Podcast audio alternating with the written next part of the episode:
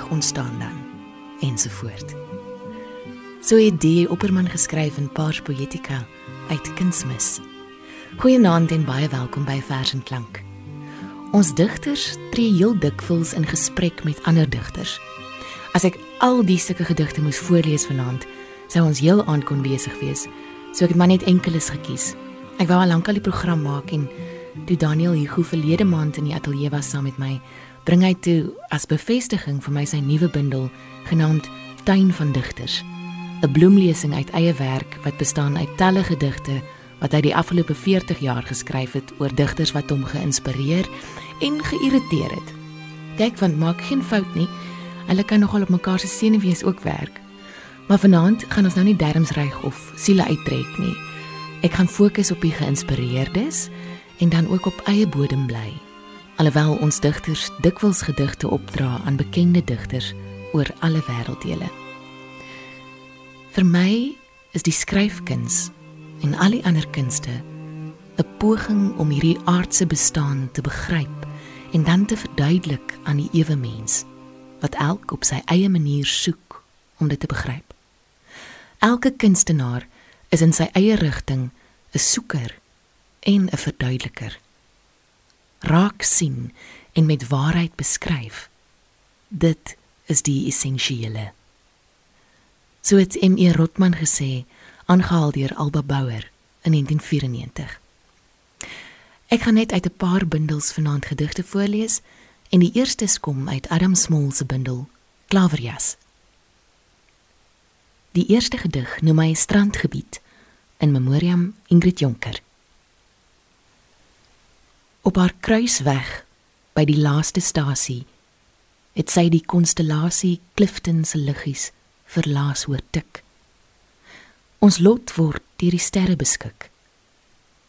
Toe die pere in die seebamboese draf, weer sy haarself met al twee hande af. Maar die water het teen haar heupe soos 'n man gestoot en sy bors was harig soos die dood. Die volgende gedig deur Adam Small, ook uit Klaverjas, uitgegee deur Tafelberg, is getiteld Klaverjas. Hy tree hier in gesprek met NP van Wyk Lou wat hy op 'n stadium noem ons denker digter en vir wie hy altyd 'n baie groot bewondering gekoester het. Ek leef al so lank hier. Die gras het onder my voete kom groei. Van tyd tot tyd word ek egter steeds verras en geboei deur die werklikhede en simbole van hierdie heimat, die Kaapse vlakte. Soos die gomma van die gomma lied of die ratiep of klaverjas. Verras, want daar skuil in die dinge soveel diepte, soveel betekenis. Altyd weer natuurlik word iets gemis en moet ons terugkeer na onsself vir nuwe insig, nuwe lig. Klaverjas. Kaarte was deur die eeue heen draers van te gelyk helderheid, maar ook verdonkering. Soos ons bestaan in die heelal, die werklikheid as aldurende raaisel aan ons bring. Klaverjas, enigma en magie. Uiteindelik is geen geld ter sprake, slegs heil of onheil is ter sake. Van wyk, jy het waarskynlik nie die spel geken wat ek hier aan jou voorstel. Maar jy, meer as enige iemand anders, sal klaverjas verstaan. Jy wat die worsteling met God en met betekenis gehad het, net soos ek nog. Jy wat dieselfde hulpeloosheid teenoor onreg moes ervaar dieselfde woede sonder om te weet hoe om dit by te kom buite om geweld soos ek en jy dit sou moes doen lank gelede meer as 'n halfuur lank skryf jy vir my 'n brief verwysend na die onregstelsel van die tyd apartheid net soos u self skryf jy wanhoop ek soms Maar wat kan ons soort mens vandag anders doen as skryf waar jy kan, praat waar jy kan, probeer ooreed? Jy was so reg. Wat kan ons anders? So het al jou verse van jou hand gekom en myne van my hand. Ons speel maar klaverjas. Ten minste het ons woorde, jy en ek, wat aftas teen die mure van ons donker kamers van bestaan, al soekend na die deure, openinge tot die lig. Soveel moet ons doen. Is ons soort mense plig en dieper ons ongedwonge waarheid soeke. Dis ons ewige kaartspel sonder dat ons weet watter uitkoms ons sal bind. Dit alles, soos jy sê, is die taak van ons gewete. Die gewete wat hom gedurig tussen weerskante se onaanvaarbaarhede bevind. Ons moet dus met al ons eerlikheid ons spel hier tussen hemel en hel bly speel, oop, soos jy sê, net aan ons bloed getrou. Ons moet die kaarte maar nou geset bly skommel, teen mekaar bly meet en pas en bly aan hoop dis klaverjas.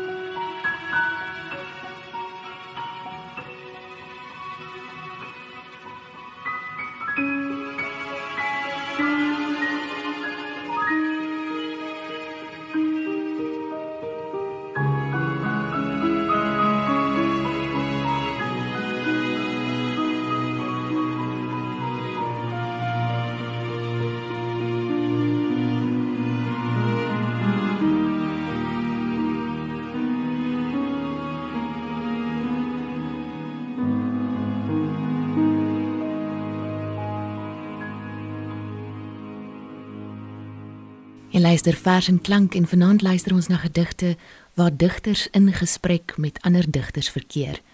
Die volgende gedig wat ek gaan voorlees is getiteld Die eerste steen. Dis vir Adam Smol van wie ons nou gepraat het en dit is deur die digter Pieter Odendaal. Dit het verskyn in sy debietbundel, sy bekroonde debietbundel asof geen berge ooit hier gewoon het nie, uitgegee deur Tafelberg en ook in 'n ander digbundel vir Adam Smol 'n digbundel uitgegee deur Naledi. Ek sou graag net 'n klip gooi ver van jou af wou leef, meneer Smal. Van die bankies, die deure, die treine, die skole, die strande, die riots, die klippe in hande. Maar ek staan ander kant die storm waar ons reënboë teen die grys skerm van die dag projekteer. 'n Mens kan nie lewens in die lug bou nie, Adam. En ek weet nie hoe om van hier vir jou te skryf nie. Hier waar die blindes dans, dans, dans met iPods in hul ore en dollars in hul oë. 'n Mens kan nie lewens in die lug bou nie, Adam. Ek wens ek is vroeër gebore dat ek al kon loop die dag toe Hector gaan lê het. Miskien sou ek hom optel. Miskien sou ek saam cowboys en kroeg speel. Maar my hande is nog altyd te klein gewees om klippe te gooi. Al stoei my pa se bloed in my en al was my oupa in die senaat. Hy's dood die jaar toe my pa begin skiet het. My pa is 'n goeie man, meneer Smol. Al praat slegs sy oë oor die grens en al drink hy soms te veel. Hy's 'n goeie man, meneer Smol. Al skree hy soms op taksies en al was hy en sy God maar oukei met alles gewees. Hy's 'n goeie man, meneer Smol. En ek hoop dat ek eendag skroomloos langs sy graf kan staan en huil.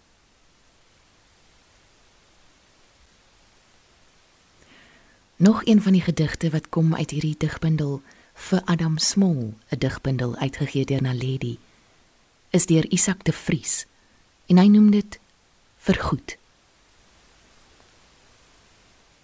Shibboleth sou op jou nie werk nie. Die taal is te suiwer in jou mond. Daarom is die duis gelaai. Die wit en swart duis, die duis wat witkant bo moes lê. Maar kyk, In jou hand was 'n pen. Die pen wat Shibboleth gespoeg het. Die pen wat Makiet gebaar het. Die pen wat Adam Smol se kinders laat huis toe kom het. Vergoed.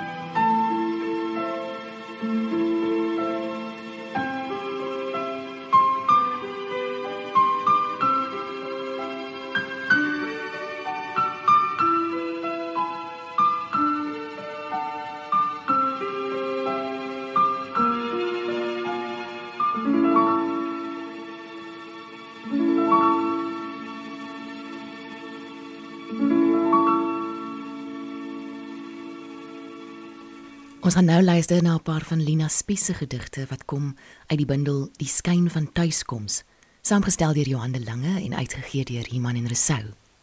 Die eerste gedig noem sy Elisabeth. En verskeie digters het in gesprek getree met Elisabeth Eybers, die eerste vroue digter in Afrikaans wat gepubliseer is op 21. Sy begin hierdie gedig met 'n motto deur Virginia Woolf uit An Unwritten Novel. The eyes of others, our prisons. Their thoughts, our cages. Terwyl ek na jou kyk, die stofblad te vel groen, die uitgewer se naam voorbarig swart vermeld teen joue wat jy liefs verswyg sou hê. Is ek met eens vir oud word nie meer bang nie. Want waar die kleur vervloei tot jy is alles sag soos webbe onder water roer. Weg die vroeë knoetsige verset teen pyn in elke onverbiddelike trek. Die oë se oopgesperde ontoeganklikheid. Jy's weer die digteres van 18 jaar wat sing van die nooi uit Nasaret en onder jou vel lê die struktuur van been soos van 'n meesterlike buitelaar Jy's weer die kind wat smal in 'n doringboom se skaduwee kan pas. Ek wat moet wortel en moet groei en om te leef na bo moet reik voordat ek losgemaak word om te swewe en te dryf. Wat sal ek vra vir jou in die voorlaaste vryheid van jou byna woordeloosheid? Bevat in hierdie koel papier se stukkie skemerte waarin my onbeholpe vingers klou dat in die helder tuin eendag die onaanraakbare tuinier jou op 'n namelose naam sal roep tot groen wat nooit verwelk. Die volgende gedig deur Lina Spies skryf sy vir Auntie Krog. Sy het meer as een gedig aan Auntie Krog opgedra. En sy begin hierdie gedig met 'n lese van Anne Sexton in the fish that walked.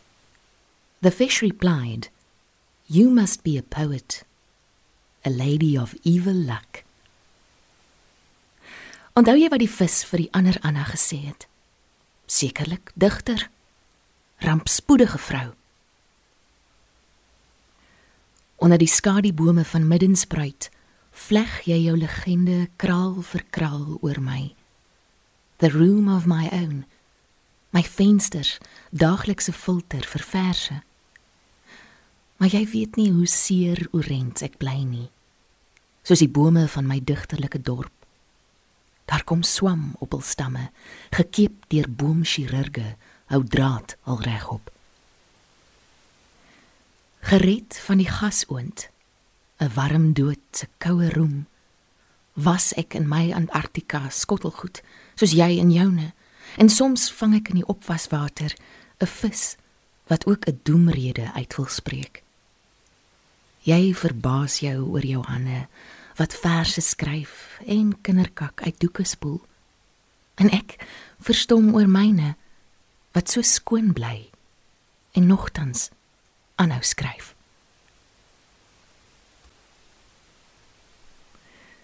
Die rym neem ook 'n hele lewe in beslag jou doen en dink, jou soek na ander en jou wag. So het die Opperman geskryf in Periandros van Korinte. Op 'n ander keer het hy geskryf: 'n Digter moenie lank tussen dieselfde mense woon, maar altyd afskeid neem van plekke en persoon, sodat hy eensaam, swerwend, nuwe vergesigte sien en in sy swerflingskap suiwer die kuns kan dien. Die volgende gedig deur Lina Spies is opgedra aan DJ Opperman, haar groot mentor. 29 September 1914 tot 22 September 1985. Nou sien ek hom weer driftig deur sy laaste lente stap. Hoe die lewe hom bly tart, 4 jaar en 16 seisoene lank. Moes ek God verwyd of kromosome? Dat hy geduur het Verby verdriet en elegie. Hoe kon dit anders? Hy het op hierdie aarde hoog gebie. Ek was my taal en trane kwyt aan die einde van sy groot geveg. Al was my wange klam soos die voorjaarsgrond waarin ons hom begrawe het, elkeen met sy eie Deo gratias, sy eie aanklag teen die ewigheid. Hoe effe meer is die jong eike behalwe as hul prilgroen teen die donker dieper jubel van die oudste bome bot. Ek sien hom staan in hierdie lente. Die stam teen wie ek aan kon leun en voel my wortels dieper vroet, my blare oopvou teen die blou. Ek bibber in my eie koelte, brand in eie gloed. Ai Moses van Jahwe. Farao se towenaar het ons die rooi see van sy sterwe droogvoets deur laat loop. Ek kan met eens die geur en groen van hierdie voorjaar pyl. Dit word my loergat op alles wat ver is en mooi, wat onbegryplik was en seer. Hy wat hom verwant weet aan die swaals is so in sy eie kringloop vas hy sal hom tot die been laat stroop.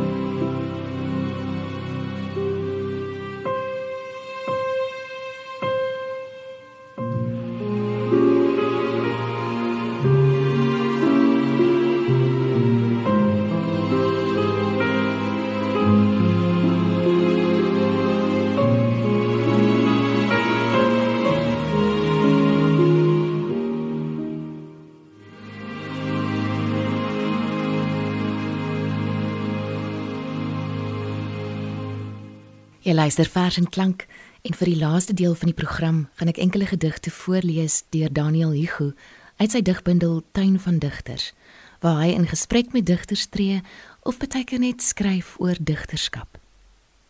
Ek begin dit met die gedig vir die kritisie. Vandag beproef die duif sy toonlere. Môre lê die kat tussen bebloede vere. Die digter sal onvolmaak bly skryf. Tot daardie dag van die leeu en die lam die kat en die duif. Die volgende vers is getiteld DJ Opperman. In 'n land van klip en weinig troos het hy kosmiese kragte onverpoos vertolk vir 'n bot en boerse volk 'n den wat stem gee aan die suidoos. Die volgende gedig deur Daniel Hugo is getiteld Digter in rolstoel vir Ernst van Heerden. Op die sportbaan van die literatuurgeskiedenis wil hy met die barokke woord bekoor. Maar die vervanging van duispier en toon deur eysterwiele bewerk pynlik die metathesis. Sy woordstryd het van vroeër swier geen spoor. Want aan elke versklank kleef 'n voetnoot. Die volgende gedig is bladspieel vir Andre Letoy. In die verbygaan sien ek soms by die kafeetafel 'n een eensame man wat skryf. Dan verbeel ek my hy skryf oor sy weerkaatste self die tafel en die verbyganger wat hom verbeel daar sit 'n man wat oor sy eensaamheid skryf. En dan die volgende vers deur Daniel Hugo uit sy bundel Tuin van Digters noem hy dat pyn bestaan. Kloete maak eerder 'n vers as om op sy tande te kners oor pyn wat redeloos maai. Cousins laat sing haar wonde vlamrooi soos mystieke monde as sy ruwe hand haar aai. Ek benyel die verlies solank ek my kleinlik verknies oor blote ipekonners dat dit bestaan is nodig vir diegene wat moet voortdig. Pyn gee hulle wat wonders. Die volgende kortvers is grotwater vir Inarisou sy laat die vers aanwas soos 'n druipsteen kers laat elke silabe druppel trillend saamsmelt tot rye pype wat opvlam in die speleoloog se lig. Sy skep die groeiende koraal van die grot se groot orrelsaal. En dan 'n gedig wat heet Ontvlugting. Ek stap graag dronk van osoon tot by drie ankerbaai. Die strandjie is steeds besaai met uitklotsels van die see rioolreste leer, mosselskulpe, ropwervels, wier, 'n gestolde stink inkvis en van tyd tot tyd doodnugter die lijk van 'n digter. En dan bly ons in Seepunt. Die volgende gedig noem my Enkel lopendes Seepunt vir Henny Oukamp. Die wat langs die sosiale wraklyn loop, bly self gestrand enkel en alleen staande met die dikwels beskaamde hoop op intimiteit. Die lyf se kontrabande. En dan een van sy meer komiese verse. Poetry makes nothing happen. 'n brommer sirkel stadig soos 'n bomwerper deur die kamer ek stel my versier in en gooi die verpestelike vliegding doodsekuur met 'n bundel van Billy Collins Daar is 'n botsing in die lug. Die brommer beland op die tapijt sonder 'n teken van redbare lewe. Ek het Oden pas verkeerd bewys. Dodelik is die digkuns. Een van die laaste gedigte in die bundel Tuin van Digters deur Daniel Hugo draai op aan Mark Tritsmans, wie se werk hy ook onlangs vertaal het en waaroor ons 'n program gemaak het op Vers en Klank, Die singende wêreld. Hierdie gedig noem my Karoo tuin na die reën. Geil die geluid van bye en brommers wat werk waar die alwyne blom. Die by is vir die nektar daar. Die brommers het vir die honderdrol gekom. Bye en brommers, twee soorte digters wat uitbundig die aarde besing. Tot lof van die tuinier en die hond, die reën en die vrugbare grond.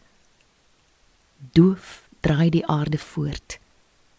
Ongehoor soos dit hoort.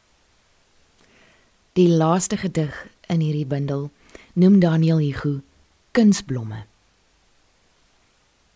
die meeste digters verdwyn in die onmeetlike kuberruim soos gebluste meteore slegs 'n klein uitverkore klompie haal die helde akker daar wag hulle om wakker gemaak te word opgeruim met al ruikertjies woorde deur die bloemleser se blink pasuin. En so het ons aan die einde van hierdie program gekom. Ek sluit af met um twee aanhalings uit gedigte. Die eerste is deur Johan de Lange uit sy gedig Beeldbou uit die bundel Waterwoestyn. Elke digter is of idee of ego sibylle of vakman. Die een se dinkwerk is beperk. Die ander sin ontspring legio. En dan woorde van MP van Wyk Lou uit Weegskaal. Die poësie is 'n knooppunt van vele kragte. Die roerlose punt tussen vele spannings. Van tydsgebeure en tydeloosheid, van intellek en drif. Van eensaamheid en werking na buite van 'n absolute skoonheid in die stof van die daaglikse taal. So dan ook is dit die knooppunt van 'n eie persoonlikheid se strewe en 'n volk se bestaan. Ons bly dankbaar vir ons digters se eie persoonlike strewes en ek dink 'n deel van ons volk se bestaan hang ook daarvan af. Ek is vanaand gevul met baie dankbaarheid daarvoor. Van my en ons musiekregisseur Herman Stein 'n mooi aand vir jou. thank you